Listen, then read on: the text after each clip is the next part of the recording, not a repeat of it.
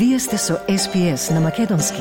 Слушнете повеќе прилози на sps.com.au козацрта на Седонин.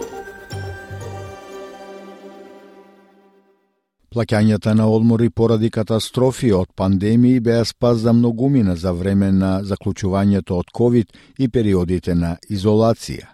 Предвидено е да заврши на 30 септември, а премиерот Албанези најави нивно продолжување. Тој вели дека плаќањето ќе остане достапно се додека се преминуваат задолжителни периоди на изолација од сите држави и територии. И додека владата бара изолација, владата има одговорност да обезбеди поддршка во тој период, вели премиерот Албанези. The payment will remain available for as long as mandatory isolation periods are applied by all states and territories. While the government requires uh, mandated isolation, the government has a responsibility to provide support uh, during that period. Трошоците се 50-50 меѓу Комонвелтот и државите и териториите и како такви ќе останат на сила. Ентони Албанези вели дека ќе се воведе дополнителен лимит на плаќањата за да се запрат луѓето да го користат системот. При тоа тој вели дека три плаќања во период од 6 месеци би биле максимум, освен ако не мора да има сосема вонредни околности. Three payments over a period of 6 months uh, would be the maximum unless there has to be uh, quite extraordinary circumstances of why that's the case. Плаќањата за катастрофи првпат беа воведени во август 2020 година, за да се обезбедат лицата принудени да се изолираат без право на боледување. Тие првично беа ограничени на 1500 долари за две недели.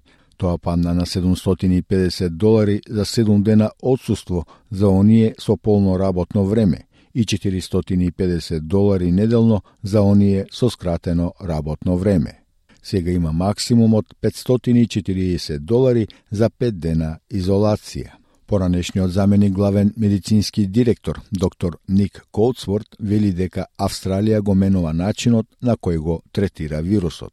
Тој вели дека ќе мора да има рамнотежа на ризикот што го носи COVID за поединци и ефектот што го имаме врз поширокото општество за задолжителна изолација, работната сила, економијата, а реалноста во моментов е таа дека работите се доволно променети со заканата од COVID-19, така што можеме да почнеме да го третираме COVID-19 повеќе како другите респираторни вируси, вели доктор Ник Коутсворт.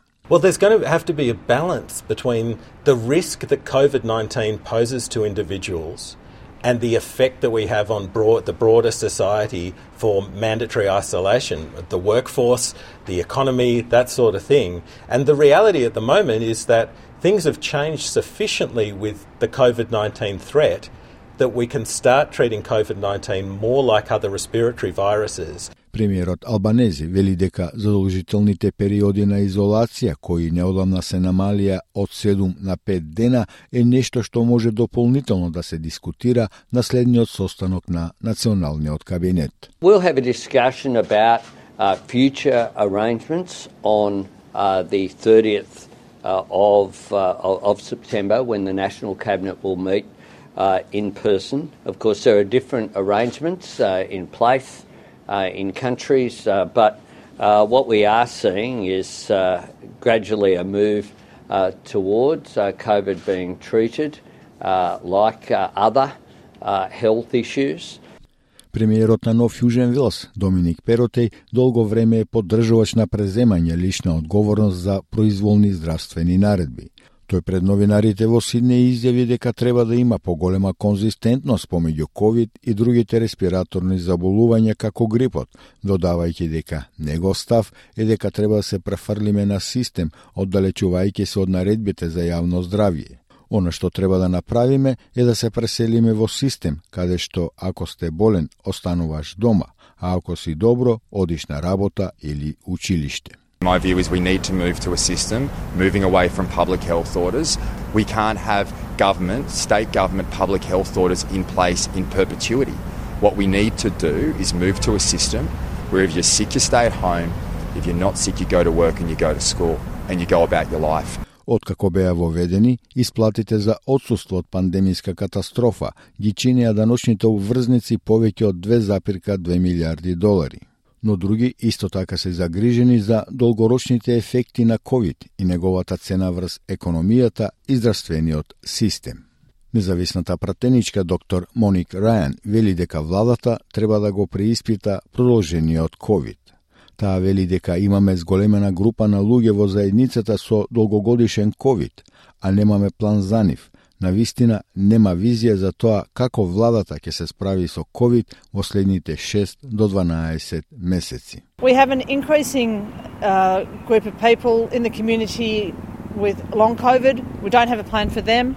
We don't really have a, a, vision for how the government's going to deal with COVID over the next six to 12 months. I think we could do with a resetting of our dialogue about this condition and, and a discussion about how the healthcare industries but also the economy are going to be affected by it. Доктор Рајан додава дека Австралија исто така ќе треба да се подготви за доаѓање на инфекција од странство, бидејќи северната хемисфера се соочува со нов зимски бран и повикува на самит за тековно справување со пандемијата. We know it hasn't gone away. And we know that there's a very high risk of more variants uh, um, emerging in the northern winter.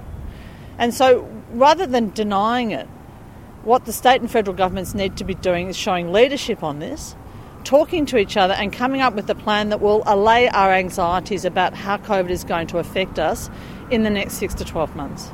Владата отвори парламентарна комисија за долготрајниот COVID, кој најверојатно ќе поднесе извештај на почетокот на следната година. Стиснете, ми се допаѓа, споделете, коментирајте. Следете ја SPS на Македонски на Facebook.